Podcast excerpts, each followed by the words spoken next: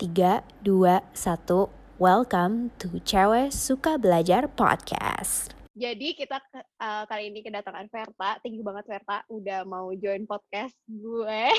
Sama-sama Terus nge-spend Nge-spend weekend lo buat nge-recording ini. Um, Nah kayak gue gak kayak semua orang gue jamin kalau misalnya interested sama dunia tech di Indonesia pasti tau lah sama akun kayak live at Gojek terus habis itu di tech.id kayak gitu. Nah dan kesuksesan dari Instagram Instagram hits ini tentang tech itu tuh di belakangnya tuh ada lu gitu loh. Yang gue inget banget ya waktu gue pertamanya follow live at Gojek, itu tuh follow apa tuh like-nya itu tuh kayak bener-bener dihitung pakai tangan kanan doang. Terus tiba-tiba tuh sekarang tulisannya tuh thousands gitu loh. Dari others jadi thousands gitu. Nah, bi bisa gak sih ceritain gitu kayak kayak progres lu sampai bisa bikin beberapa akun-akun ini menjadi hits tuh kayak gimana gitu? Ya, itu tuh dimulainya bener-bener dari kita tuh setim kayak nggak ada yang tahu tentang social media sama sekali, like literally gitu loh.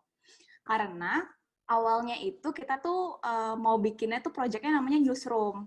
Jadi uh, semua yang di hire tuh kayak beneran jurnalis gitu. Bah bahkan ada kayak temen gue namanya Indra, dia tuh dari Jakarta Post. Terus kayak Dewanti juga salah satu teammates gue tuh mereka dari Jakarta Post gitu kan. Yang which mereka tuh beneran kayak nulisnya tuh ya berita-berita serius kayak politics and everything and then ya udah kita punya newsroom terus habis itu ya lo tau lah kalau di startup kan kayak hari ini ada, ada project itu, besok di scrap ganti project lain, ya, which itu kejadian gue waktu itu. Dan sekarang setelah setelah kita nggak jadi bikin newsroom, akhirnya kita tuh bikin yang namanya tim tuh yang namanya employer branding. Nah di situ uh, kita tuh mikir gimana ya caranya uh, Gojek itu bisa bersaing sama other companies yang emang bener-bener butuh tech talent juga, tapi tuh mereka namanya udah udah apa ya orang-orang udah tahu misalnya kayak Google, kayak Facebook itu kan kayak semua orang udah tahu dan semua orang pengen kerja di sana kan. Cuma Gojek kan sebenarnya punya impact yang bagus juga. Nah, tapi gimana sih caranya kita bisa nge-attract talent? Ren, sorry, boleh ulang nggak, Ren? Sumpah, tadi Google gue, Google gue nyala, kesel gue. But uh, apa sih? Akhirnya dari newsroom, terus habis itu lu fokus ke employer branding gitu kan. Dan uh, goalnya itu lumayan jelas, which is um, tadi tadi lu cerita adalah gimana sih bisa compete sama misalnya kayak live at Google, live at Facebook dan segala macamnya gitu kan. Nah, dari lu sendiri, apakah emang sebelumnya ketika lu jadi jurnalis, lu juga belajar soal digital marketing juga, soal kayak gimana market uh, branding di Instagram, atau sebenarnya benar-benar belajar dari awal banget? Um, nggak pernah sih, soalnya dulu waktu gue di jadi lifestyle, lifestyle jurnalis juga gue tuh disuruh untuk uh, megang Instagramnya uh, publication gue, yang which gue hmm, tuh mikir hmm. kayak gue nggak suka banget sama social media sama Instagram. Kenapa gue harus disuruh megang itu juga? Terus dari gitu ya udah gue wow, okay, aja. Terus Uh-huh. Iya, terus habis itu gue kayak, uh, kok susah banget ya kayak gue tuh waktu waktu gue inget banget itu tuh kan majalah gue tuh lifestyle dan kita kan banyak ngomongin travel dan gue tuh kayak dulu tuh hmm. udah ngeposting banyak uh, kayak foto-foto travel dan beneran bagus gitu, tapi kok hmm. followersnya nggak naik-naik gitu, terus dari itu yang hmm. like juga di, bisa dihitung pakai jari juga gitu, kenapa ya? Nah itu gue sama sekali gak tahu sih uh, hmm. apa namanya tentang social media, tapi sejak hmm. gue masuk Gojek, terus kayak disuruh untuk uh, ya hmm. udah uh, lo apa gak mau tahu uh, belajar caranya social media gimana ya udah dari situ gue belajar hmm. sih bareng tapi di guide sama bos gue yang dulu namanya Mbak hmm. Ika nah jadi kayak hmm. uh, di situ gue belajar banyak sih karena sebenarnya hmm. balik lagi lo mau ngerjain apa aja, kita mau ngerjain apa aja, mau itu sosmed, mau itu kayak hmm. bikin bisnis atau apa pun, semuanya tuh bener-bener kayak ada tiga elemen yang harus kita kuasai, yaitu kayak problem hmm. solving, hmm. critical thinking, hmm. sama uh, apa namanya data driven atau kayak kita harus bisa baca hmm. data gitu. Jadi ketika kita udah hmm. punya tiga skill itu, kayaknya every hmm. everything that we do in our life itu akan lebih gampang sih. Hmm. Gitu. Oke. Okay. Hmm. Apakah lu ngeri, maksudnya kan kita sering banget nih ya, kalau misalnya apalagi kalau lagi nyari kerja gitu kan, pasti semuanya ada tulisannya tuh, we're looking for a problem solver, critical thinker. People with integrity. Kayak maksudnya itu tuh kayak selalu ada gitu. Tapi gue penasaran aja maksudnya itu juga something yang terjadi di gue juga sih personally kayak misalnya dulu waktu pertama kayak abis kuliah ngerasanya kayak oh gue tahu nih cara kalkulasi bla bla bla bla bla kayak oh mestinya orang hire gue gara-gara itu gitu kan. Nah tapi setelah waktu ketika lu ngebaca job kriteria kok nggak ada yang spesifik buat teknik itu sih? Kayak orang-orang nyarinya kayak generalist gitu kayak problem solver apa kayak gitu. Nah tapi setelah actually kerja dan apa ya kayak akhirnya punya opportunity buat hire buat tim sendiri kayak gue sadar gitu oh iya ternyata gue emang emang penting gitu. Karena emang at the end of the day lu bisa belajar apa pun asalkan lu kayak open minded enough buat belajar itu dan juga lu tahu problemnya clear dan lu kepe, lu kayak breakdown problem buat solve itu gitu. Nah tapi buat lu sendiri kapan lu realize hal itu gitu? Apakah kayak only ketika lu kerja at Gojek terus habis itu lu ada uh, Mbak Ika yang selalu challenge lu terus akhirnya lu ngerasa kayak wah kayak ini skill yang penting nih gitu? Atau emang sebelum lu masuk Gojek ketika lu ngerjain social media buat travel uh, traveling account itu kalau misalnya su, apa namanya ngomongin soal tadi tiga tiga things yang hmm. tadi gue kasih tahu hmm. itu tuh beneran gue belajarnya di Gojek sih sebelum itu gue oh. beneran kayak super clueless gitu kan oke oke beneran gak ada masalah gak ada kan masalah yeah. karena kan gue kira ya udah dulu kerjaan gue kayak reporter ya udah nulis yeah. aja buat apa gue problem solving gitu kan terus yeah, yeah, yeah. dan dan ini lucunya sih jadi jadi tuh dulu sebelum gue masuk Gojek uh, ini bukannya sombong ya tapi kayak yeah. Iya. uh, banyak orang yang kayak uh, selalu rely on gue gitu sebelum gue masuk Gojek. Jadi kayak oh. semua orang suka nanya ke gue gitu-gitu kan. Terus habis yeah, itu ketika gue masuk Gojek, kok rasanya gue yang paling nggak bisa apa-apa sendiri gitu ya. Kayak terus gue langsung, wah pusing gue gitu. Soalnya biasanya Iya kan? Biasanya tuh yeah, people yeah. rely on me, terus sekarang gue kayak beneran, wah gila gue beneran gak tau apa-apa. Dan habis itu kayak, yeah. gue inget banget itu sempat meeting sama my former hmm. boss juga, terus kayak gue tuh hmm. beneran ditanyain beberapa hal yang sebenarnya itu pertanyaan kayak objektif lo apa, terus kayak pertanyaan hmm. simple, lo mau mencapai apa gitu-gitu, itu gue gak bisa jawab, Ren. Terus itu, dari situ tuh gue kayak beneran stres banget, wah ini gue gimana di Gojek nih, kayak gue gak bisa. Kayak uh, one on one gitu kan sama uh, mantan bos gue itu, Mbak Ika. Terus habis itu uh, kayaknya tuh waktu itu dia bilang, jadi waktu itu gue one on one terus gue bawa dokumen strategi gitu. Terus kayaknya tuh dokumen strategi gue tuh berantakan gitu jelek lah. Terus habis itu okay. gue inget banget nih dia ngajarin gue caranya structure thinking tapi dengan cara yang bener-bener gampang di diingat dan gampang di ngerti. Jadi kayak dia bilang, hmm. e, lo tuh kalau bikin dokumen uh, harus rapi. Jadi uh, coba deh kita hmm. nggak usah ngomongin dokumen ini dulu. Kita ngomongin hmm. gimana caranya bikin roti bakar terenak di Jakarta. So kayak, hmm. ah, kenapa ngomongin roti bakar ya? Terus habis itu uh, ya udah intinya apa yang lo harus lo lakukan untuk kalau mau bikin roti bakar yang paling enak gitu. Terus habis itu gue kayak itu aja gue nggak bisa jawab Ren kayak, Hah, apa ya? Hmm bikin roti gitu. Tapi kan sebenarnya sebelum bikin roti lo kayak harus siapin ingredientsnya, siapin hmm, hmm. equipmentnya hmm. gitu kan. Nah hmm, hmm. itulah yang maksudnya namanya structure thinking sebelum kita bener-bener sampai ke roti bakarnya jadi atau bikin bikin roti bakarnya kita tuh harus melakukan step-step yang harus kita uh, yang harus kita ini apa namanya siapin kayak tadi bikin hmm. ingredients terus equipmentnya hmm. apa terus ada nggak teman lo yang bisa bantuin bikin nah habis itu baru hmm. bikin dan habis itu baru jadi so that's hmm. kind of like a structured and apa ya kayak problem solving step hmm. yang dijelasin benar-benar dengan hmm. simple hmm. dan situ gue belajar hmm. oh ternyata kita kalau hmm. bikin ya beneran harus tahu dari awal gitu jangan hmm. kayak hmm. jumping tiba-tiba langsung ada roti bakar kan kalau misalnya kita ngeliat ya Coursera aja gitu ya digital hmm. marketing tuh banyak banget loh kontennya ya kan yeah. terus kayak yeah. banyak banget di Instagram yang bilang kayak oh gue jago nih uh, Instagram marketing gitu kan dan hmm. um, menurut gue interesting aja sih with all of this like people all of this training tapi lu tetap dan lu yang gue bisa refer to as someone yang lumayan udah accomplished di bidang ini um, bilang kalau problem solving dan critical thinking tetap yang paling important gitu loh. Um, mm-hmm. Mungkin lu bisa ceritain kayak learning lu so far dan kenapa lu realize that is the most important thing to mm. like the performance of lu punya Instagram branding gitu.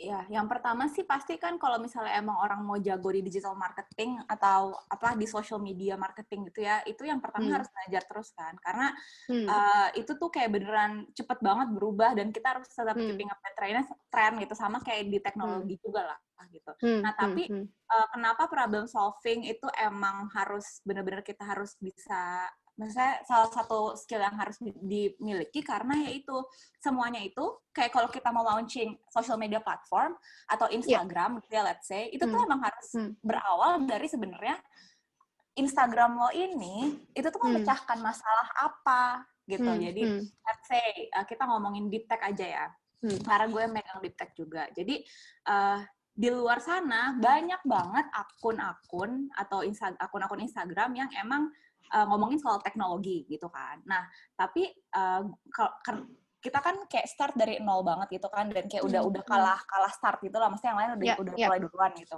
terus habis itu kayak hmm.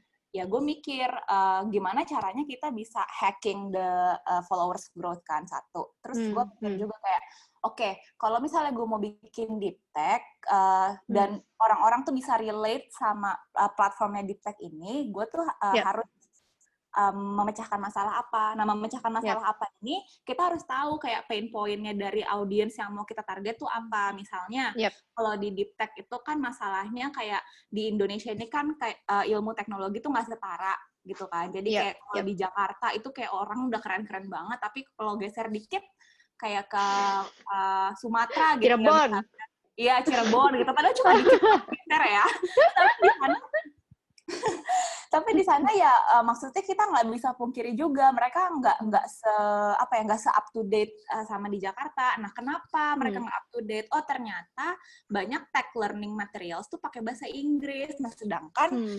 orang di Cirebon mungkin nggak semuanya uh, fluent in English kan. Nah jadinya hmm. itulah pain point yang bisa ketika kita udah ngesasar pain point itu, nah itu kan hmm. kita udah tahu nih problemnya apa. Nah kita udah tahu yep. problemnya apa, ya udah dari situ kita mikir oke okay, kalau kita mau bantuin orang Cirebon untuk uh, apa namanya hmm. uh, belajar tech tapi tanpa pakai bahasa Inggris kita harus ngapain yep. ya which berarti yep. kita bikin konten pelajaran yang pakai hmm. bahasa Indonesia gitu tapi kita hmm. sadur-sadur dari misalnya medium-medium akun yang akun-akun medium yang emang pakai bahasa Inggris terus ya udah kita translate aja gitu kan jadi mereka hmm. bisa hmm. juga hmm. baca gitu hmm. gitu sih kalau okay. problem solvingnya contohnya gitu oke oke oke oke Hmm, lu kita sempat ngomong kan sebelum podcast ini. Terus habis iya. itu lu sempat kayak kasih list banyak nih all like people yang menurut lu insightful banget gitu.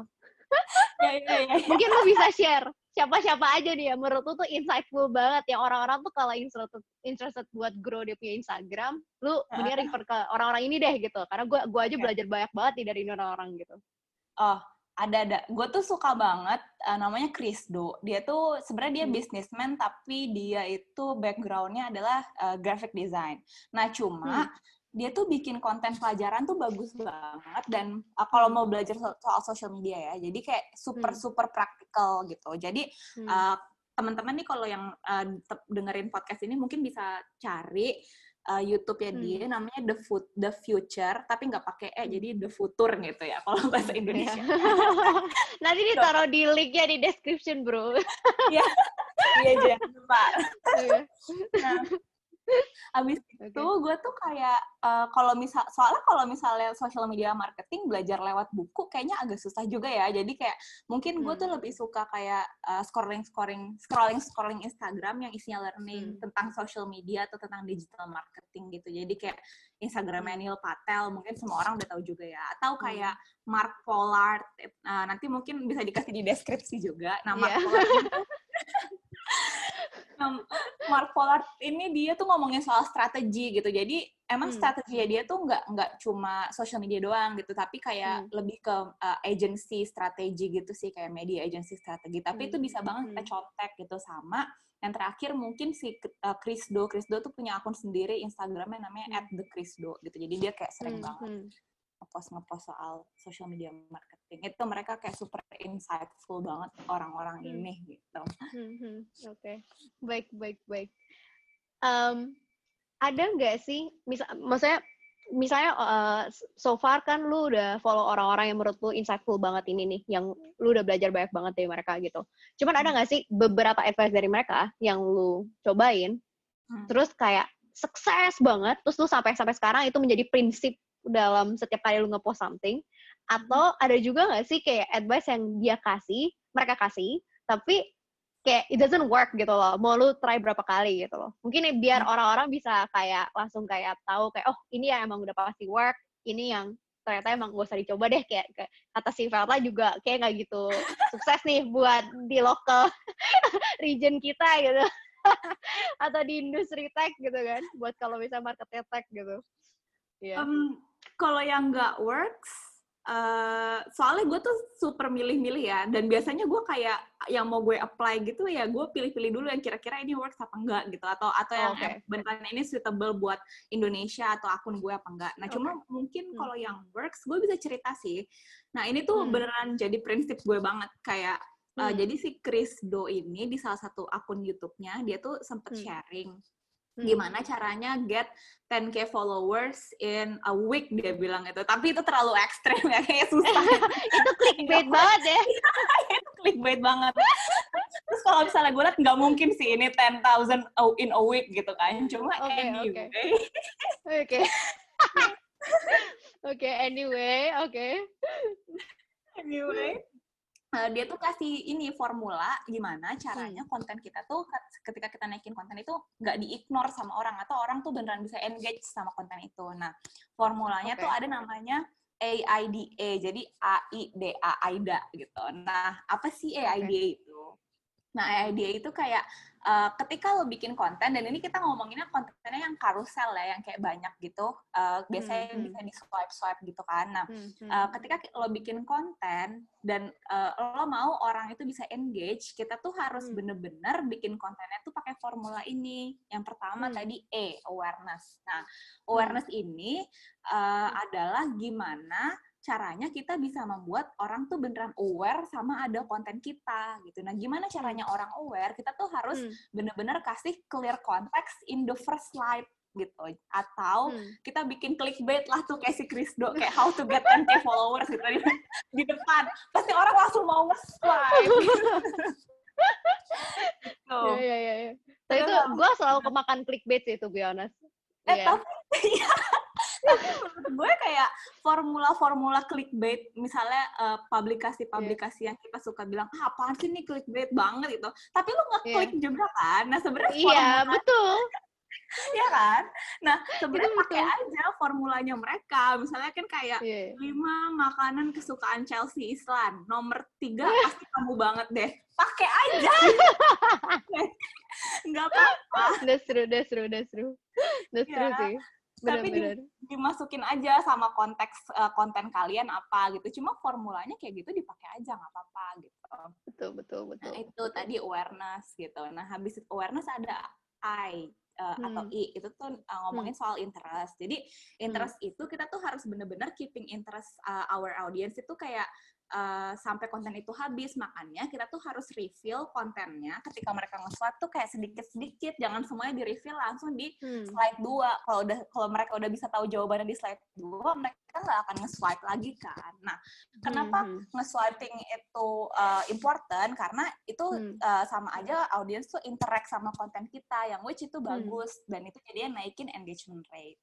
Nah, setelah oh, okay. interest ada yang namanya desire. Nah, desire ini hmm. tuh yang bisa hmm. salah hmm. satu slide yang yang bisa uh, apa ya membuat orang itu nge-trigger bahwa mereka akan uh, engage sama konten ini. Nah biasanya hmm. uh, di slide yang desire ini gue tuh kasih kutipan yang emang relatable gitu. Jadi dia kayak anjir nih kutipannya bagus banget nih gitu, gue banget gitu. Hmm. Nah habis itu okay, terakhir okay terakhir nih ada A itu hmm. to action yang which itu kita di setiap konten kita harus kasih tahu call to actionnya tuh apa jadi setelah hmm. si followers kita baca nih kontennya nah mereka mesti ngapain apakah komen kah atau ngetek kah atau share postingannya kah gitu jadi bener-bener clear di guide experience-nya dari awal sampai akhir tuh bener-bener clear gitu di guide-nya jadi itu bisa naikin hmm. engagement rate buat kita bisa naikin followers followers growth juga kalau mereka itu kayak hmm. nge-share konten kita gitu Hmm, hmm, hmm, hmm. Nah, um, gue jujur baru pertama kali sih dengar ada framework ini. Jadi menurut gue at least for me kayak ini insightful banget gitu. ya maksudnya selama ini kita kayak oke okay, yang penting lu bikin title-nya clickbait aja bro kayak gitu. kayak selama ini gue cuma tau aja itu aja sih. Um, tapi yang gue penasaran itu sebenarnya sebelum lu ngejawab ini, lu tuh juga sempet bilang kan kayak maksudnya lu sebenarnya udah ada filtering lu sendiri ketika lu ngelihat uh, advice-advice dari orang-orang gitu. Misalnya apakah ini um, apa ya in, ini suitable buat market user market lu, isinya kayak gitu kan, audience market lu. Um, gue penasaran sih, at least buat orang yang um, sekarang melalang buana di bidang lu juga, which is kayak lagi in charge of Instagram buat beberapa tech companies juga atau beberapa organization yang trying to increase kayak uh, engagement orang di tech industry misalnya. Um, filtering lu tuh biasa apa sih kayak gitu? Especially kalau targetnya sama ya, tech and Indo gitu loh. Hmm. Uh, itu balik itu ini sumpah ini jawaban gue pasti standar banget critical thinking. Tapi bener contoh, bisa kasih kasih contoh aja, kasih contoh kayak mungkin kasih contoh kayak ada sebuah advice yang menurut lu kayak eh ini nggak mungkin lah kayak cocok buat market kita gitu misalnya kayak gitu. Pernah nggak ada beberapa advice mungkin satu atau sampai tiga yang menurut lu kayak ini adalah contoh yang menurut tuh kurang bisa dijalanin nih misalnya di Indo apalagi buat target market misalnya tech gitu. Tapi mungkin um, suitable buat beberapa industri atau market lain kayak gitu. Hmm, kayak apa ya? Uh, Sebenarnya sih um, balik lagi kayak misalnya tadi, uh, hmm. kalau misalnya tadi ada ada si apa namanya si Krisdo dia bilang kan how to get 10k followers gitu. Nah, hmm. menurut gue tuh kayak jangan terlalu dipercayain kayak langsung ih gila nih gue pasti bisa uh, apa namanya hmm. uh, dapat 10k followers kalau ngelakuin ini ya nggak bisa juga karena yeah. sebenarnya menurut gue semua advice yang ada dikasih sama kayak teman-teman di teman-teman influencer di uh, Instagram atau di YouTube itu tuh beneran hmm. balik lagi ke akun kita sih gitu. Jadi hmm. kita hmm. harus bener-bener tahu dulu akun kita tuh sebenarnya seperti apa. Apakah akun kita ini hmm. audiensnya uh, emang suka konten-konten soal teknologi atau enggak? Atau kalau misalnya hmm. uh, sekarang akun kita uh, audiensnya itu follower saya itu bukan orang yang suka teknologi. Nah, terus kalau kita hmm. mau nge, apa uh, ngubah audiensnya itu kita harus ngapain? Hmm. Jadi kayak kita tuh sebelum sebelum kayak dengerin nasihat orang lain, kita tuh harus bener-bener tahu sebenarnya akun kita ini mau dibawa ke mana dan akun kita hmm. ini strengthnya di mana gitu jadi kayak harus hmm. beneran mengenali mengenali dulu sih akun kita itu seperti hmm. apa nah setelah kita udah tahu uh, hmm. apa akun kita tuh objektifnya apa audiensnya seperti apa terus kira-kira konten yang mau di approach itu seperti apa nah baru deh kita tuh cari-cari kayak uh, pelajaran-pelajarannya gitu misalnya oh hmm. tadi si Krisdo begini nah terus habis itu oh karena si Krisdo ngomongnya tuh soal hmm. AIDA hmm. tadi, terus gimana hmm. caranya bisa di uh, bisa di implement di akun kita gitu kan. Nah, tapi kan hmm. kalau kita hmm. ngomongin tag pasti beda lagi kan gitu. Nah, hmm. paling uh, ya disesuaikan aja sih sama audiens lo karena kalau kita ngomongin social media ya balik-balik lagi uh, beneran uh, ke objektif sama audiens sih. Jadi when you know hmm. all, all of that gitu ya udah itu semua pelajaran yang lo ambil itu ya hmm. tinggal diimplement dan disesuaikan sama audiens dan objektif lo aja gitu.